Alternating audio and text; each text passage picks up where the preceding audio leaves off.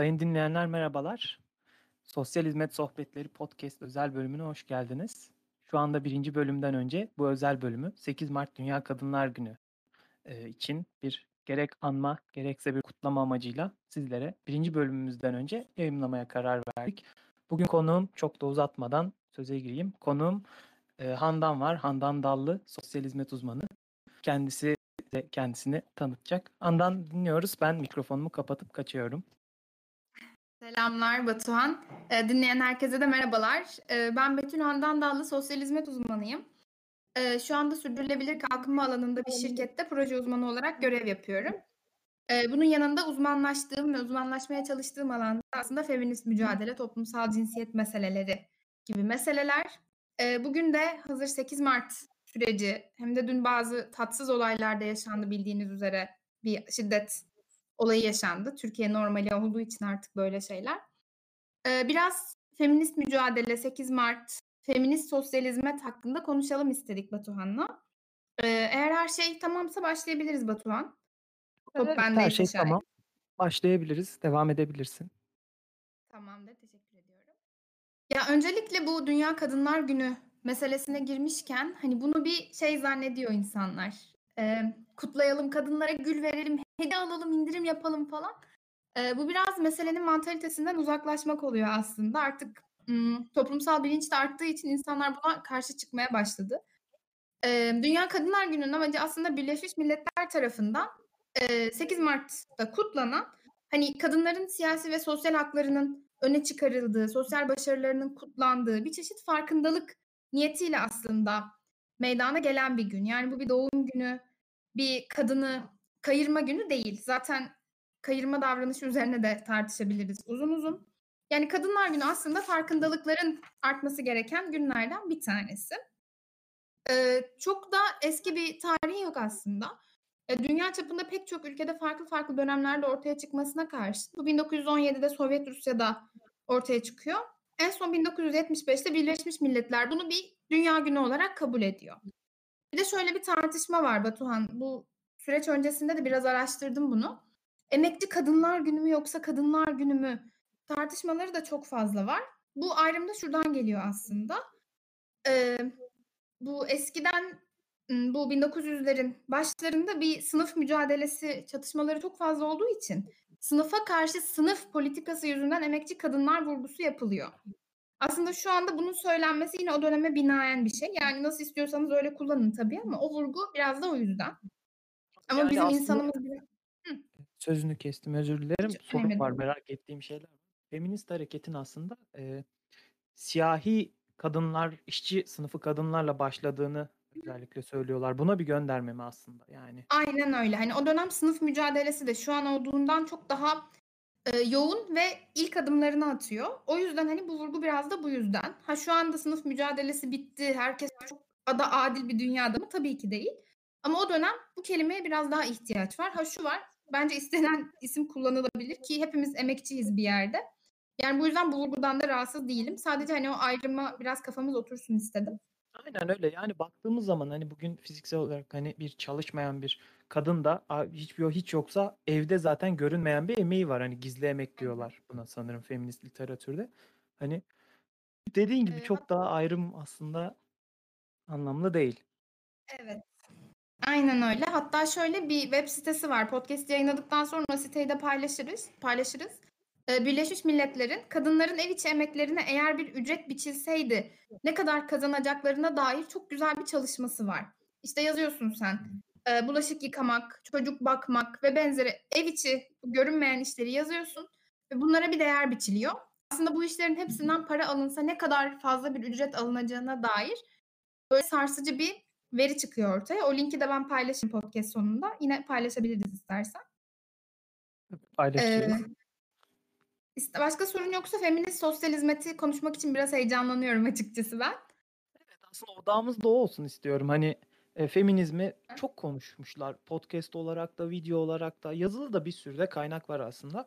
Ama feminist sosyal hizmeti hani hocalarımız konuşuyor, yazıyorlar. Biraz da tabii seni dinlemek isteriz. Tamamdır. Ya zaten Türkiye'de sosyal hizmet yeterince konuşulmaya yeni yeni başladı. Bu gelişmeler bence çok güzel. Eee, bir de bunun yanında feminist sosyal hizmeti konuşmak, emm, artı böyle bebek adımları atılan bir alan gibi geliyor bana ve çok heyecanlanıyorum. Eee, öncelikle şöyle bir düşüncem var. Bence sosyal hizmeti hakikaten içselleştirmiş insanlar, yani bu işe hakikaten kendini vermiş, mantalitesini anlamış insanların feminist olmama şansı yok bence. Ama işte yine dediğim gibi, yani o toplumsal algılar, yargılar hakikaten bizi meslek içimizde bile bazı ayrışmalara itiyor. Yani beni en çok yaralayan da zaten, eee, meslek içi ayrışmalar, meslek içi çatışmalar oluyor. Eee, ufak ufak başlamak istiyorum.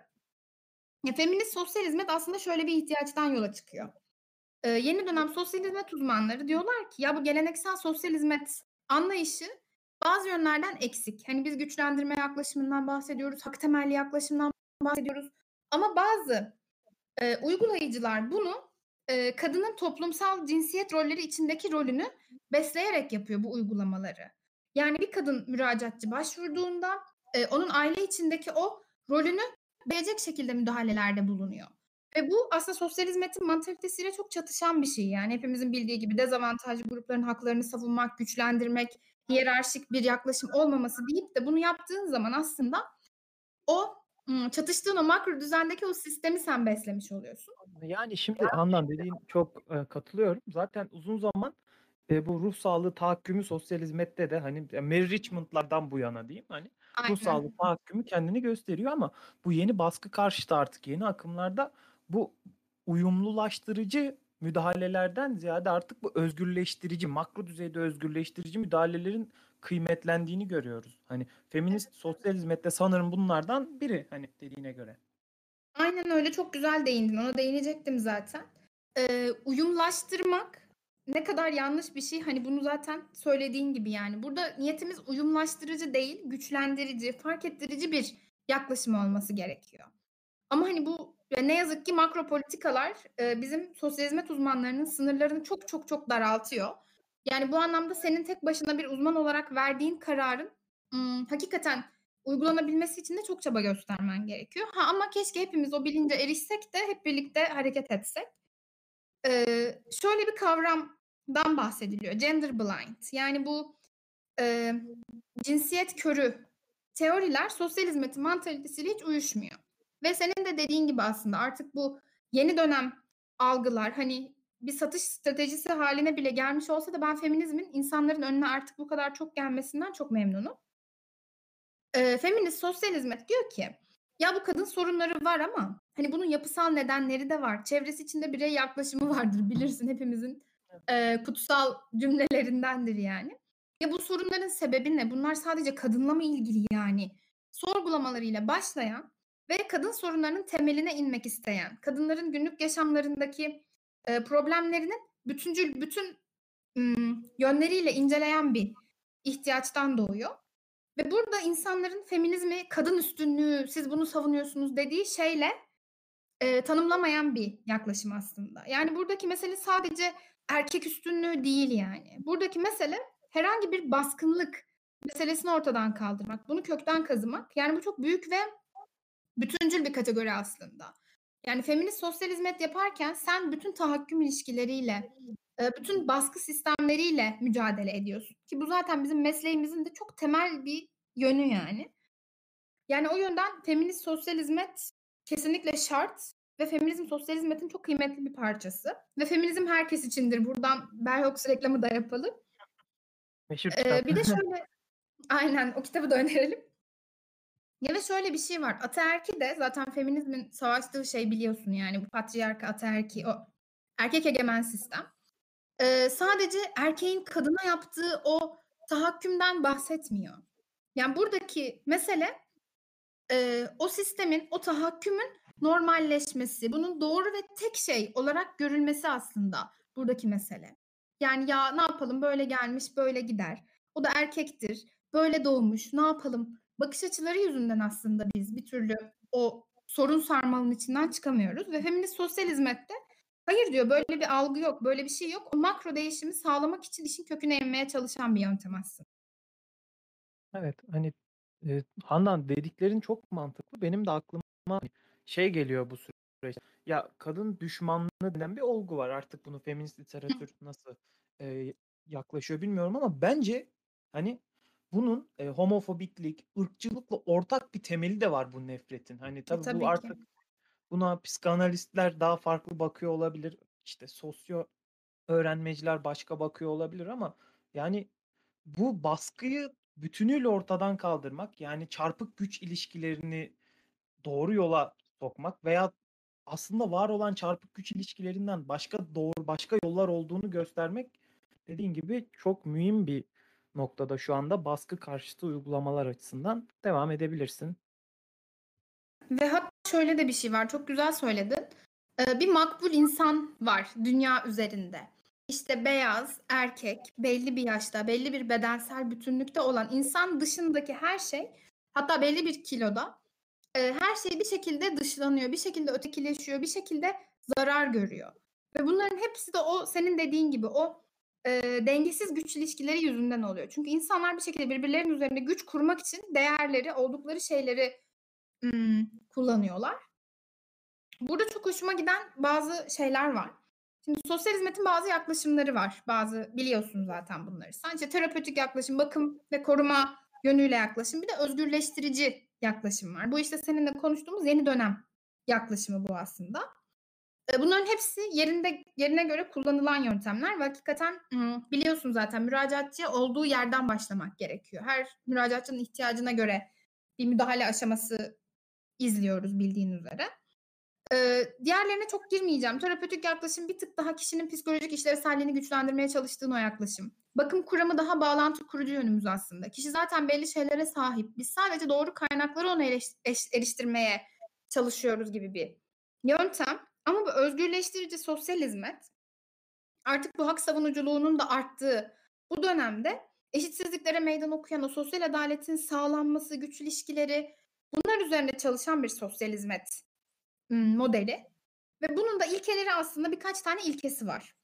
Aktif karar almak, yani müracaatçının kendi hayatıyla ilgili aktif karar almasını sağlamak. Bu zaten güçlendirme yaklaşımının da çok temel bir, taşıdır bilirsin. Kişilerin sahip oldukları farklılıkları tanımak. Bu çok çok önemli ve biz ne yazık ki toplum olarak, burada toplum vurgusunu özellikle yapıyorum, insanların farklılıklarını onlara karşı kullanmak konusunda hakikaten çok cömertiz. Yani bir farklılık, bir ötekilik olsun da hadi biz bunu kullanalımcı bir toplumuz ne yazık ki. Yani farklılıkları tanıyıp kabul etmek hakikaten çok zor bir mesele. Bir de, ımm, dezavantajlı gruba ifade ortamı sağlamak. Çünkü kimse kimseyi dinlemiyor. Hakikaten insanlar kendilerini ifade edemedikleri için daha çok öfkeleniyorlar. Bir sürü şey oluyor ve hakikaten bu ülke, eee, uğradığı şiddeti anlatamayan insanlarla dolu senin de bildiğin üzere. Ya, buradaki mesele uyum sağlamasını değil, güçlenmesini sağlamak o kişinin. İçindeki o potansiyeli göstermek, o ste stereotiplere karşı davranmak. Ya, feminist sosyal hizmet, eee, se feminist sosyal hizmeti artık içselleştirmiş bir sosyal hizmet uzmanı şu cümleyi be aklından geçirmemeli. "Ya, tamam, işte, haklısın ama şimdi kadının da yeri tabii evidir." Bunu düşündüğü anda o kişinin bir hakikaten kendini sorgulaması gerekiyor. Yani feminist sosyal hizmet aslında bu stereotiplerle de savaşan bir yöntemi var. Yani bu anlamda hakikaten yolumuz uzun ama bu yola çıktık artık. Bunun konuşuluyor olması bile çok güzel, çok kıymetli bence. Yani şimdilik bu şekilde bir ilkelerden bahsettim. Eee, sormak istediğin bir şey yoksa başka bir kısma geçmek istiyorum. Valla ben, hani, kısaca anladıklarımı bir çerçeveleyeyim istiyorum, hani. Hı hı, tabii bir özet yapabilirsin, aynen. Eee, şimdi, hani, dediğin gibi, yani, bu, hani, hep self determinasyon diyoruz. Aslında bu Evet, evet. güçlendirme yaklaşımının, işte, kişinin kendi kararlarını, hayatıyla ilgili kararlarını verebilecek kadar aslında çarpık güç ilişkilerinden kurtulması diyelim o zaman biraz güncel literatüre yaklaştırmak Evet, adına. evet, aynen. Hani, baktığımızda aslında, eee, yeni sosyal hizmet, modern şimdi Payne'e de gönderme olsun, modern sosyal hizmet teorisi birazcık da buna doğru gidiyor. Yani, Evet. hani, sürekli internette bu ben bunu lise zamanımda hangi bölümü okuyacağım diye düşünürken çok görürdüm. İşte, hani, çok tartışılma vardı, işte. Hani, şey derlerdi, kişinin borcu varsa, işte, ruh sağlığı meslek elemanları, bu psikoloji olabilir, sosyal hizmet uzmanı ola PDR olabilir vs. vs.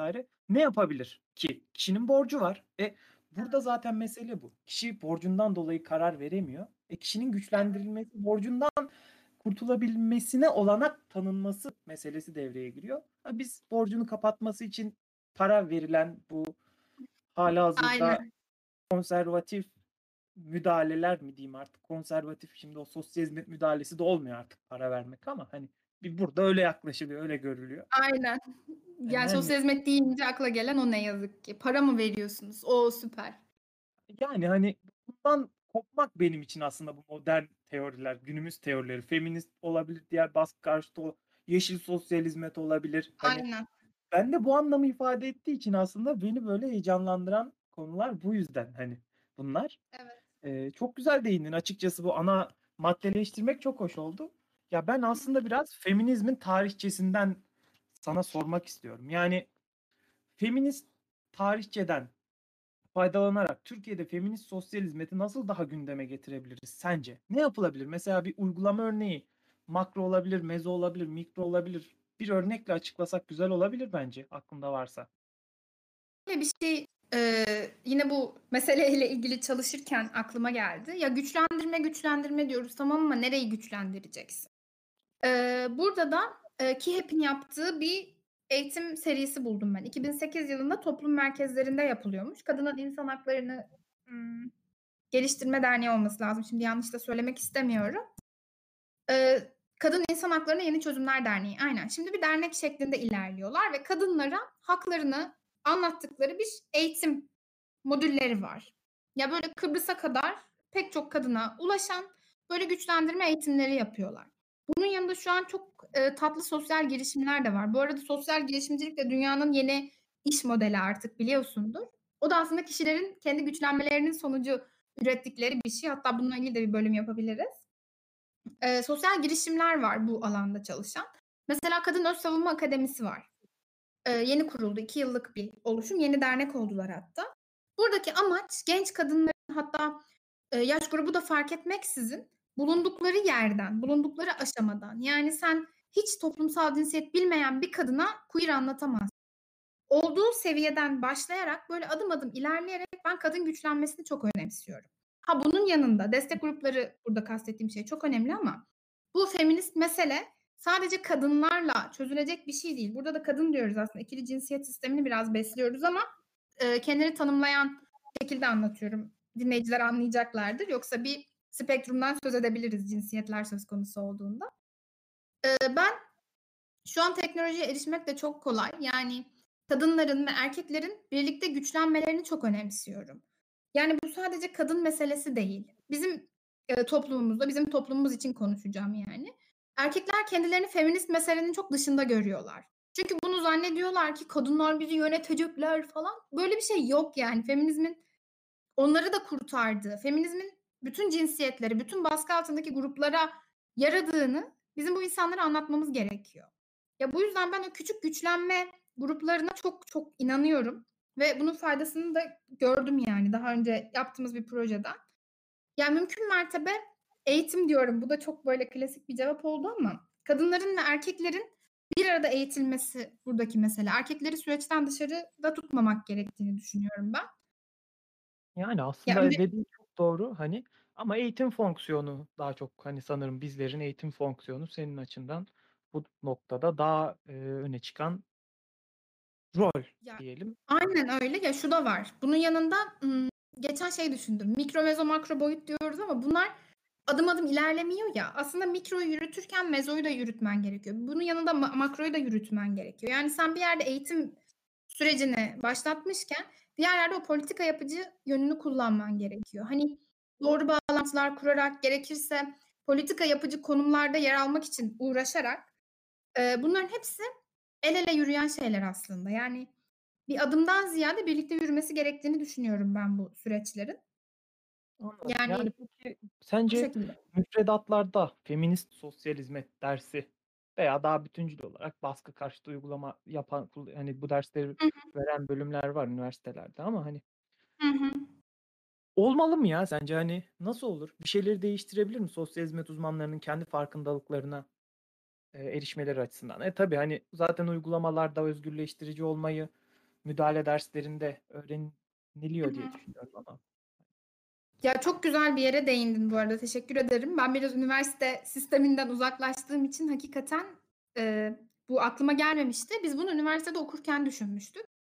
Eee, belli başlı bir sosyal hizmet eğitimi almış insanlar genelde bu meselelerle ilgili böyle temel bir şey ediniyor ya da daha ruh sağlığı alanında okuyan insanlar ama bizde dahi bu seçmeli dersti mesela.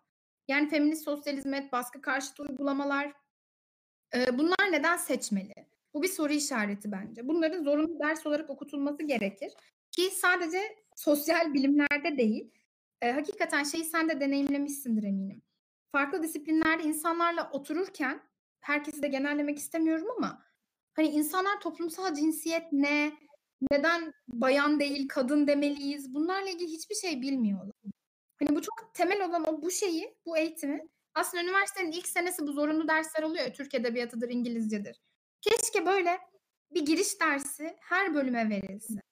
Yani hakikaten çok güzel bir yere değindin. Bunun kesinlikle her bölüm için olması gerekiyor. Yani sayısal, sözel fark etmeden. Çünkü bu baskı ne yazık ki her alanda var olan bir şey. Sadece sosyal alanda var olan bir şey değil yani. Mesela yeşil sosyal hizmet dedin. Muhteşem bir alan ve yine yeni yeni ortaya çıkmış bir şey yani senin de dediğin gibi. O da bir baskı sonucu aslında. İnsanın doğaya hükmetmesi ve benzeri. Ya, bu meseleler hep birbirleriyle çok ilintili Batuhan. Konuşuyoruz yani burada dakikalardır. Hakikaten böyle bir temel eğitim şart. Bunu hatırlatman çok iyi oldu. Kesinlikle böyle bir müfredat olmalı. Hatta keşke bunu, eee, böyle sistematikleştirseler de bu hayat bilgisi derslerinde yani anne mutfakta yemek yaparken baba da içeride televizyon izliyor gibi kısımları koymayarak bile başlasak ne kadar güzel olur yani. Ya, yani, ya, zaten Handan son zamanlarda bu toplumsal cinsiyet duyarlı masallar mesela çocukların, hı. eğitiminde. Ya, ben çok beğeniyorum açıkçası.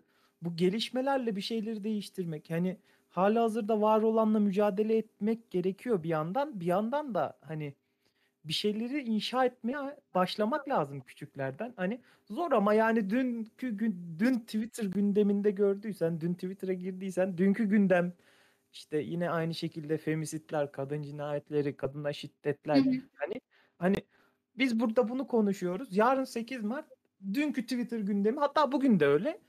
Yarın da tahminim inşa ya, umarım öyle olmaz, inşallah öyle olmaz ama yarın da böyle olacak böyle devam ederse yani. Ya, Evet. üzülüyorum artık bazen gerçekten içim bulanıyor, sinirleniyorum. Hı hı. Şeylerin değişmesi lazım. E, bakıyorum, hani, üniversitelerde vs.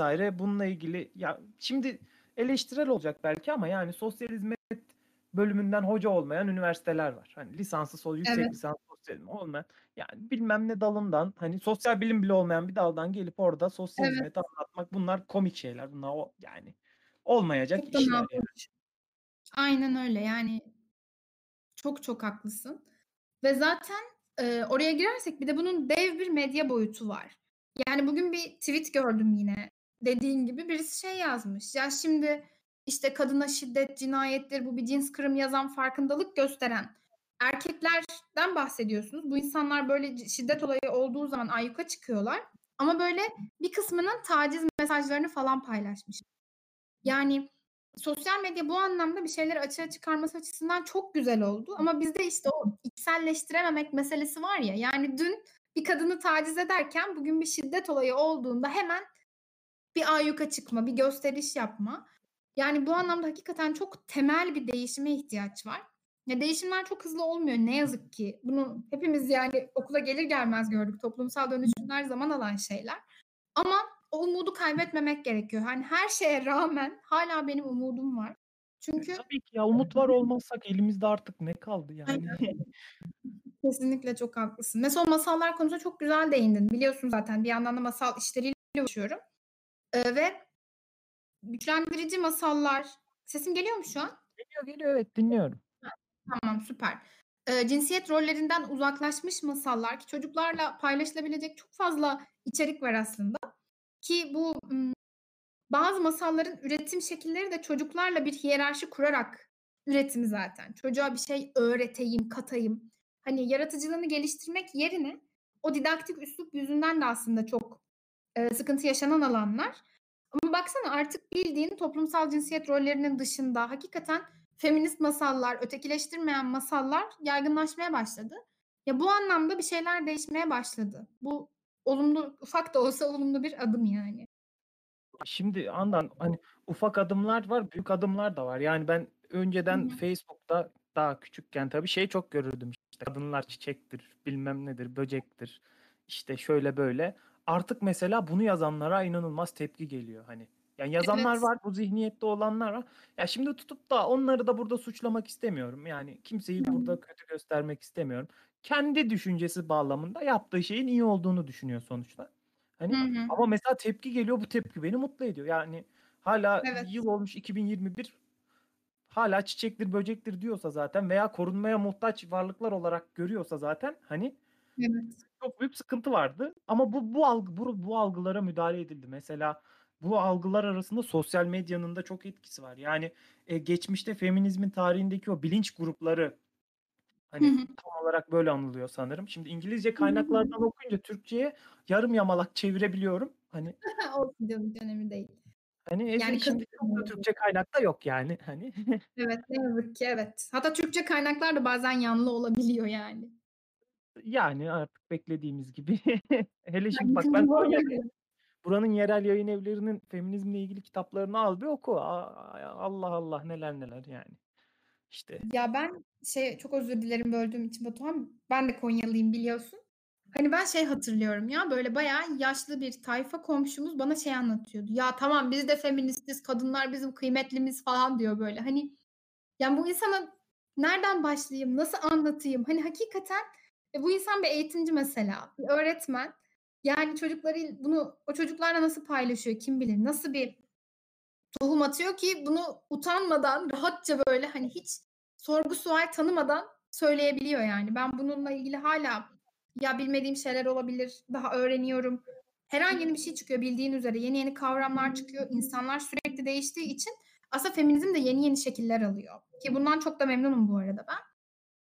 Hani, bir de böyle bir taraf var, çok haklısın. Yani bazı şehirler ne yazık ki çok acıtıcı bu anlamda.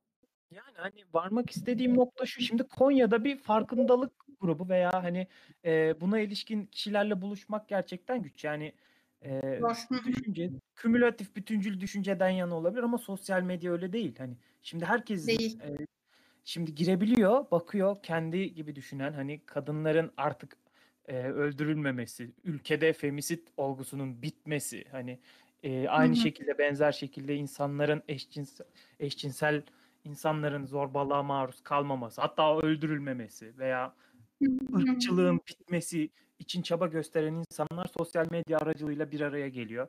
En Hı basitinden hı. Twitter'da etkinlik yapıyorlar, hani.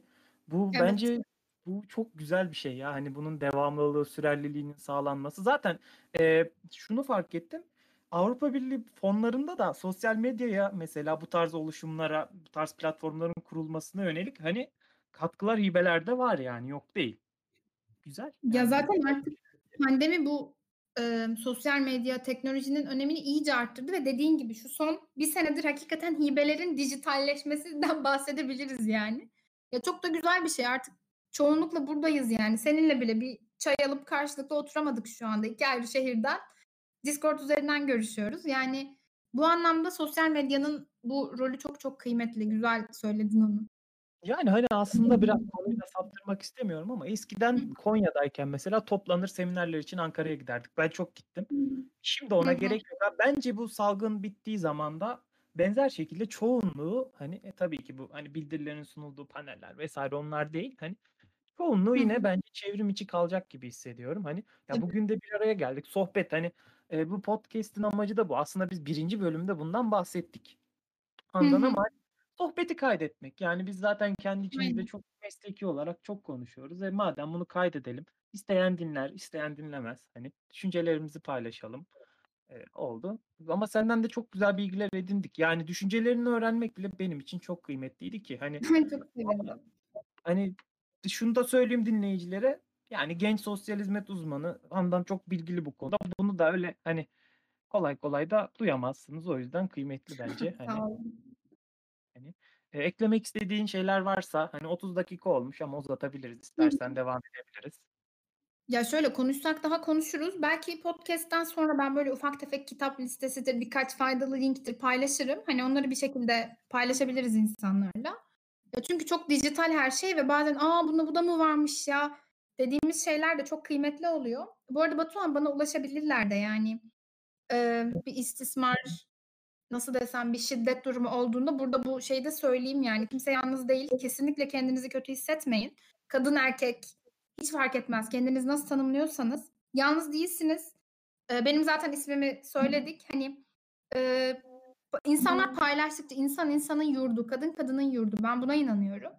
Eee, yani o yüzden, hani, böyle bazen çıkış yolu bulamazsın, kimseye anlatamazsın ama bir şeyler yaşamışsındır, yanlış bir şeyler olduğunun da farkındasındır. Biliyorsun ben flört şiddetiyle çalışıyorum. Yani bu anlamda lütfen hiç çekinmeyin. Destek için hazırız. Çünkü sosyal hizmet böyle bir şeydir.